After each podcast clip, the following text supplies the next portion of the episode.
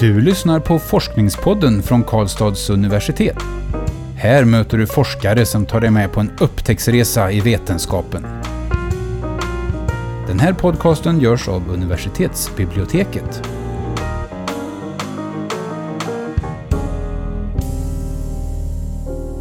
Hej och välkomna till Forskningspodden. Mitt namn är Karin. Och jag heter Magnus. Idag gästas podden av Åsa Bergman Brun. Varmt välkommen Åsa! Tack så mycket! Du är gäst här idag med anledning av din avhandling The Double-Sided Nature of Lifestyle Oriented Work Within the Swedish Equine Sector Characteristics and Consequences for Employee Health and Well-Being där du tittar närmare på arbetsmiljön inom hästnäringen i Sverige. Berätta för oss, vad handlar den här avhandlingen om? Enkelt beskrivet så kan man beskriva det som att eh, det handlar om eh, arbete i skärningspunkten mellan fritidssysselsättning, hobby, intresse och ett vanligt definierat som lönearbete. Det är alltså medarbetare som livnär sig på sitt intresse, har sin hobby som eh, försörjning helt enkelt. Finns det någon fara eller belöning liksom med att jobba på det här sättet? Att man brinner för det man jobbar för eller att man liksom har sin hobby som ett jobb? Precis, det är ju det som den här avhandlingen väldigt tydligt visar. Att de här medarbetarna, jag, jag, lyfter det som ett livsstilsorienterat arbete och det är sånt vi kan se i lantbruket, i idrottssektorn, kanske i turismnäringen, numera också i kulturella och kreativa näringar. Men jag har valt att fördjupa mig och titta på det här dubbelsidiga arbetet i den svenska hästnäringen. Och det som är tydligt och genomgående, det är att de här medarbetarna drivs av ett otroligt engagemang, motivation. Eh, man tycker sitt arbete är väldigt attraktivt, man tycker att det är tillfredsställande, eh, djupt meningsfullt. Eh, och det skapar ju en engagemang och en motivation för arbetsgivaren, vilket gör arbetar på ett väldigt bra sätt, både för en individ men också utifrån ett organisationsperspektiv. Men det som framkommer när man grottar lite mer i det här, det är ju att det inte bara har den här ena sidan av eh, myntet, det positiva med de här positiva drivkrafterna. Man berättar om passion, till och med ett kall för sitt yrke. Utan det finns också en, en baksida. Och det är ju att när man drivs av någonting väldigt intressant och meningsfullt och attraheras av sin arbetsplats och arbetsuppgifter, då finns det en en väldigt stor chans att man kanske accepterar utmanande arbetsmiljö, problem, problematiska arbetsförhållanden. Man kanske ginar lite, slirar lite vad gäller arbetstiden och gärna arbetar lite mer än vad vi ska göra. Eh, det visar också, vår forskning visar också på att när man har den här eh, meningsfullheten och attraktiviteten så kan det också vara så att man inte är jätteintresserad av att förbättra, förändra arbetsmiljön, helt självklart. Vilket gör att man kan ha ett visst motstånd för arbetsmiljöarbete och det systematiska arbetsmiljöarbetet. Men du tar ju upp i den här avhandlingen några exempel som varit ganska omskrivna i media. Bland annat den här eh, eh skandalen som ledde till tv-serien Nattryttarna och metoo-rörelsen. Mm. Vill du säga någonting om det? Mm. Eh, kanske att vi hade en tanke om att vi skulle kunna lyckats fånga det här under de här forskningsprojekten som jag har använt mig av när jag har samlat in data och den här kunskapen. Eh, all respekt för att det är medarbetare som är kvar på sin arbetsplats. Det är de vi har träffat och pratat med. Det är de som har fått svara på enkäter och det är deras arbete som vi har observerat. Vi har inte lyckats få fram så mycket vad gäller sexuella trakasserier eller den typen av maktutövning utifrån ett arbetsgivar-chefsperspektiv. Eh, så när det gäller just de kopplingarna till metoo och vissa delar i till exempel tv-serien Nattryttaren så har vi inte riktigt fångat det och vi tror att man kanske måste prata med de som har valt att sluta sin anställning för att de ska våga eller liksom vilja berätta. Så, så det har vi inte lyckats fånga. Men det vi har fångat, det är ju den här utmaningarna i förhållanden. Att man accepterar att jobba väldigt eh, ungt, fysiskt ensidigt, att man väljer att jobba länge, att man inte är så noga med återhämtning och sömn under vissa perioder i livet. Så det har vi fångat och det är lite som kommer fram i de här, den uppmärksamhet som har kommit sista åren. Vilka är det som ni har eh, haft kontakt med? Vilka är informanterna så att säga i studien? Ja, alltså jag, jag, är ju ganska så och uttrycker mig om den svenska hästnäringen. All respekt för att det finns flera olika verksamheter, alla med sin egen lilla identitet och kanske kulturella twist. Men det vi har valt att göra det är att titta på anställda på ridskolor och på travstall. Och de här två del, eh, de är eh, väldigt skilda till sin, både vad gäller deras eh, syfte med, eller säga uppdrag kan man säga, det som de ska göra på sin arbetstid. Eh, det ena är ridskolor, de har utbildning, de ska utbilda andra att lära sig hantera hästar och rida. Vi har travstallen där vi har hästen som, eh, där det är mer sportifiering. De ska ju tävla. Eh, och alla som ser på tv och kanske är intresserade av trav, de ser ju att det är ju tävling som är spännande, drar jättemycket uppmärksamhet och är också väldigt mycket pengar kopplat. Så att det, det är två olika drivkrafter, de här verksamheterna. Det vi också har sett är att de ser olika ut organisatoriskt. Där ridskolor, åtminstone till hälften av de ridskolorna som finns i Sverige, är ideella föreningar kopplat till Riksidrottsförbundet med de utmaningarna när man har en styrelse, en ordförande som byts ut vart, vartannat år. Medan travanläggningar, travstallen, till största delen är små företag, egenföretagare eller mikroföretag, det vill säga företag som har färre än tio anställda. Så vi valde de personer, de grupperna, de verksamheterna. Och sen har vi, i början gjorde vi att vi skickade ut en enkät till ett stort antal arbetsplatser eh, i Mellansverige och de fick svara på enkäten. Och nästa fas i den här forskningen som ligger till grund för min avhandling, det bygger på 12 utvalda arbetsplatser, sex ridskolor och sex travstall. Och där har vi intervjuat medarbetarna eh, och cheferna och de har också fått svara på enkäter. Så det, det får i den här forskningen får ridskolor, anställda på ridskolor och travstall representera den svenska hästnäringen. Är det, så har det varit medvetet att göra just en jämförelse mellan de här två olika också? Har det varit en förutsättning? Liksom? Alltså det var nog, det, det, är det en av de mest intressanta sakerna som har kommit till mig. Jag är ju ingen hästmänniska. Det här är någonting, jag tänkte nästan kanske frågan kommer tidigare, men alltså det är någonting som jag nästan får, jag ska inte säga förklara, men i varje fall berätta när jag är ute och presenterar min forskning, det är att jag, jag är inte den här passionerade hästpersonen. Jag är inte uppvuxen på ridskola, jag har inte haft egen häst och hängt i stallet. Eh, min dotter har haft det, så vi har haft häst liksom i familjen så, men jag, är inte, jag känner inte de här eh, emotionella drivkrafterna. Eh, det, det, är lika bra att berätta. Men alltså det, det, som kom till mig och oss, det har varit den här stora skillnaden mellan de här eh, verksamheterna som då har blivit ett jätteintressant resultat som vi inte riktigt hade, vi hade inte riktigt koll på det. Organisationerna själva kanske visste det, men att det var så eh, fundamentala skillnader hur man ser på sitt arbete, hur man värderar sitt arbete, också kanske förutsättningar för att skapa det här både attraktiva och hållbara arbetet som jag vill ska bli slutresultatet i hästrelaterade eh, anställningar. Kan du berätta mer om de skillnaderna? Vad är det du har sett? Den här dubbelsidigheten, den ser vi hos båda grupperna. Det här att det är attraktivt och meningsfullt. Eh, och en, det som också är tydligt är att det finns en djupt rotad kultur i hästnäringen. Man pratar om horse culture eller i ett internationellt perspektiv equine culture, men det är någon form av yrkeskultur som bygger på både mer kanske formell kunskap, men också den här praktiska kunskapen som man bara lär sig i kontakten med hästen. Den till viss del, den ser ganska lika ut med alla medarbetare som vi har haft med i vår forskning. Men det som sticker ut är att medarbetarna på travstall, de ser till större delen sitt arbete som ett tillfälligt arbete för att det, de förstår att det är så pass attraktivt och så djupt meningsfullt och så förenat med den här passionen att det kanske inte är förenbart att, och hållbart att ha det så ett helt yrkesliv. De här vittnar ju om att de inte eh, ser skillnad på arbetstid och fritid. Man jobbar i stallet en vanlig arbetsdag, man följer med på travtävling på kvällen.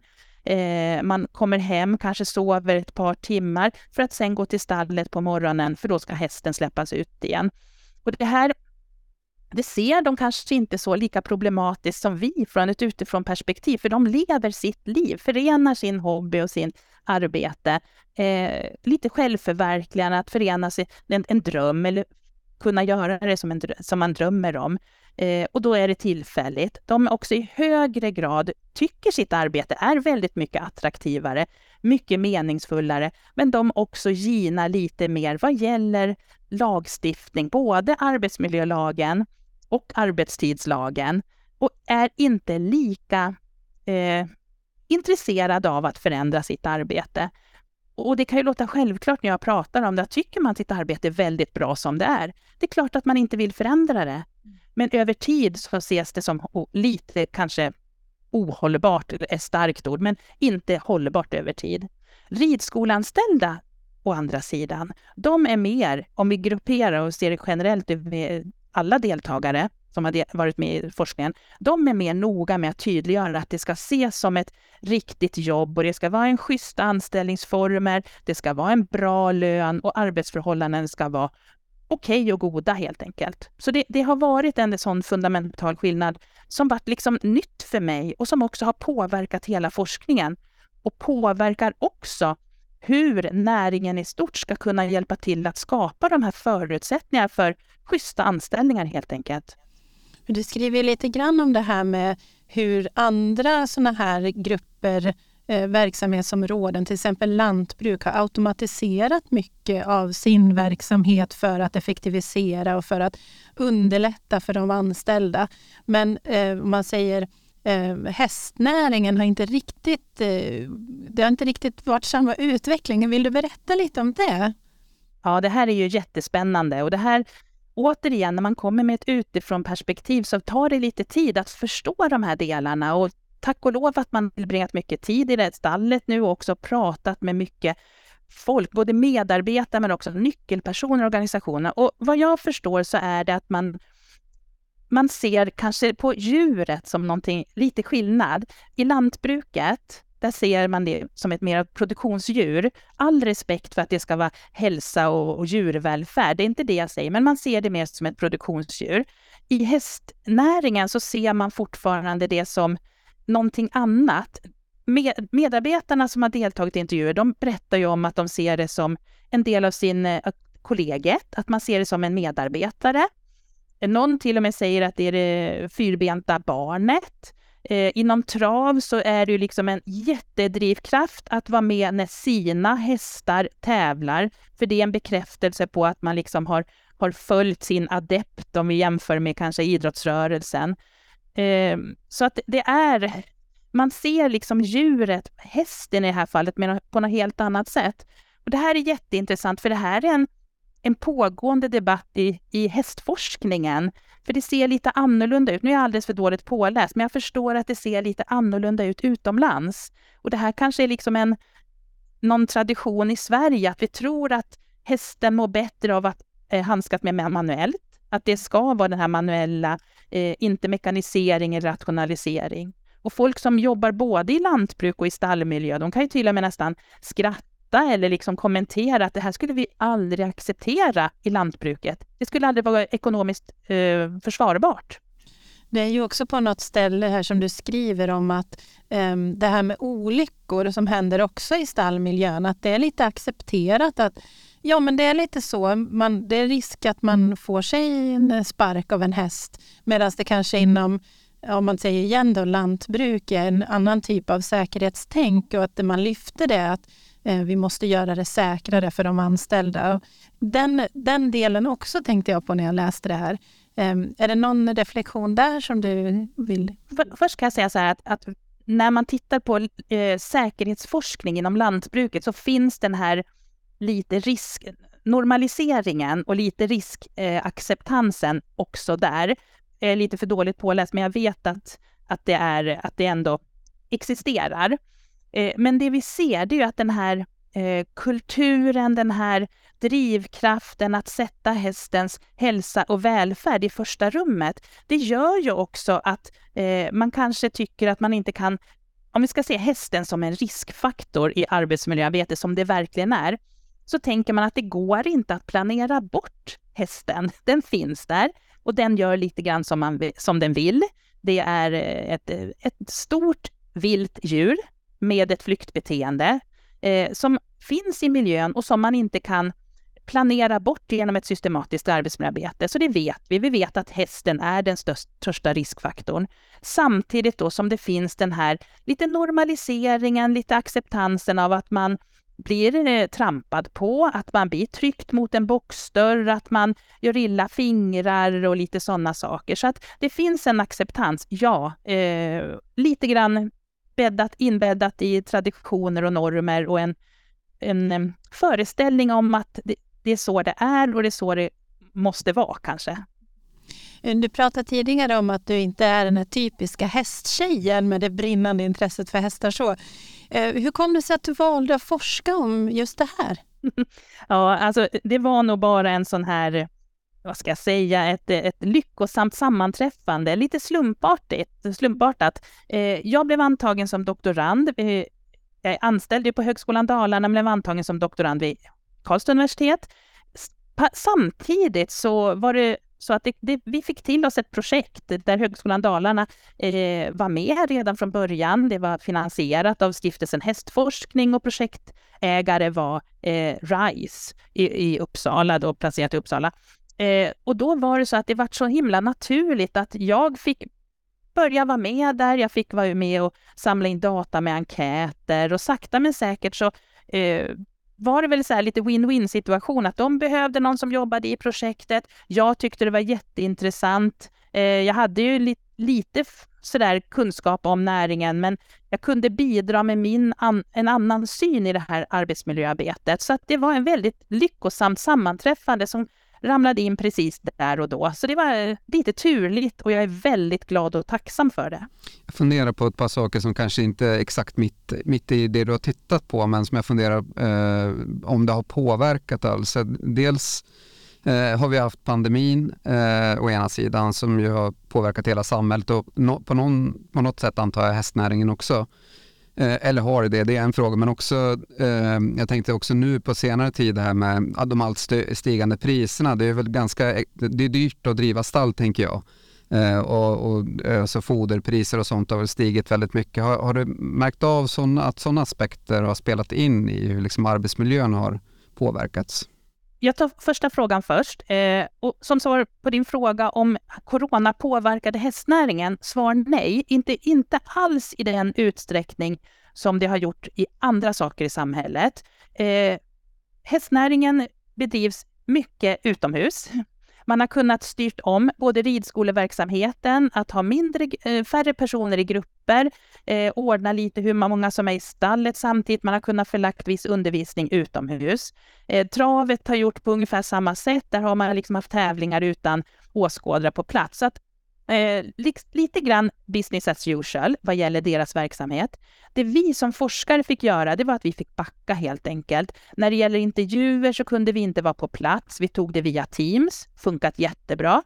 Eh, vi skulle göra lite andra saker i forskningen, eh, var lite, titta lite mer på den fysiska arbetsmiljön. Jag är en sjukgymnast i botten, så jag har ju en förkärlek för det här med den fysiska arbetsmiljön. Det fick vi backa lite på, för det var inte genomförbart helt enkelt, utan vi tittade på andra saker nyttjade i större utsträckning enkäter och intervjuer för att kartlägga och göra våra, vår forskning och också underlaget till avhandlingen. Så det, det liksom har rullat på ganska bra och okej med all respekt för vårt samhälle har fått utstått under de här åren. Däremot så är det klart att eh, den här verksamheten, eh, precis som andra för, föreningar, vi ser liksom ideella föreningar, små företag, egenföretag, samhället i stort, har ju lidit något enormt av de prisökningarna. Eh, och man har inte riktigt hängt med i prissättningen tidigare vad gäller avgifter till ridskola, men också avgifter för, som man säger i travet, uppställning av häst. Och det här ligger de i fatet redan tidigare, vilket gör att det riskerar att kanske inte ha en ekonomisk hållbarhet över tid. Så här måste man se över både foder, man måste se över hur man reser när man ska tävla, hur man eh, organiserar sin egen verksamhet. Vi har inte tittat jättemycket på det, men jag hör ju hur han pratar och vad utmanande det har varit. Men tack vare att de ändå har kunnat haft verksamheter igång så tror jag att de kanske har klarat sig hyfsat okej okay under de föruts förutsättningar som har funnits. Ja, vi har varit inne på det här lite grann nu när vi har pratat här, men jag tänkte ändå fråga så att vi får liksom ett, ett samlat svar. Eh, vilka tycker du är dina viktigaste resultat ja, i den här avhandlingen? Jag tänker att det är jätteviktigt. Om vi börjar med att titta från, på arbetsmiljöforskningen så finns det en stark drivkraft att man ska gå från att identifiera förebygga riskfaktorer i arbetsmiljön till att identifiera och jobba med friskfaktorer. Sånt som är fungerande, sånt som är positivt för vår hälsa och vårt välbefinnande, som skapar engagemang, motivation och produktivitet för verksamheten.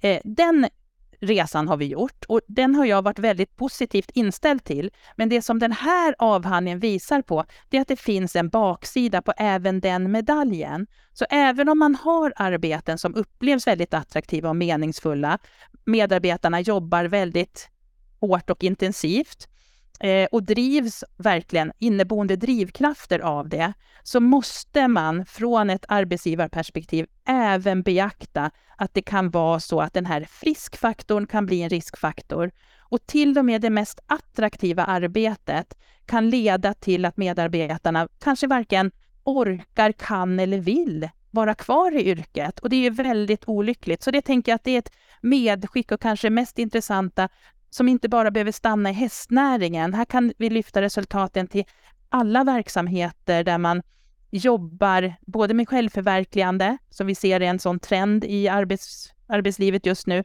men också där man sätter andras behov före sin egen. Och då kan vi prata om hälso och sjukvård, barnomsorg, eh, socialtjänst, ja, många andra verksamheter. Ja, vem hoppas du kommer att läsa den här avhandlingen och dra nytta av den? Jag är ju lite självkritisk när det gäller en avhandling och krasst sett så kanske det är så att det kanske inte är så många som kommer läsa den perm till perm. Jag hoppas, och så jag har använt andra, andra avhandlingar, att doktorander, eh, forskare kan titta i den och bli inspirerad för sitt eget skrivande. Kanske ta några kunskaper, jobba vidare med dem eh, det som är framåtsyftande, ta lite metodologiska eh, avstamp. Vi har jobbat med en sån här mixad metod så, och tydliggjort verkligen att vikten av att både använda eh, enkätdata, kvantitativ data och mer eh, intervjudata, alltså kvalitativ data, för att vi hade aldrig lyckats fånga det här komplexa eh, fenomenet annars. Så det vill jag också kanske skicka med. Men, men till syvende och sist så vill jag ju att mina resultat på något sätt, på ett eller annat sätt, kommer hästnäringen till gagn. Både de arbetsplatser som vi verkligen har jobbat med ganska intensivt under senaste åren, men också hästnäringen stort, både på nationell och mer kanske lite lo lokal nivå. Så det hoppas jag att det kommer dit. Ja, jag tror att eh, vi får tacka dig där Åsa för att du har gästat oss i Forskningspodden. Och vi önskar dig stort lycka till med ditt fortsatta arbete. Eh, vi tackar också er som lyssnat på podden. Om du är intresserad av att läsa Åsa Bergman Bruns doktorsavhandling så finns den att ladda ner i vår publikationsdatabas DIVA. Vi hörs i nästa avsnitt. Du har lyssnat på Forskningspodden från Karlstads universitet. Den här podcasten görs av universitetsbiblioteket. Alla avsnitt hittar du på kau.se forskningspodden.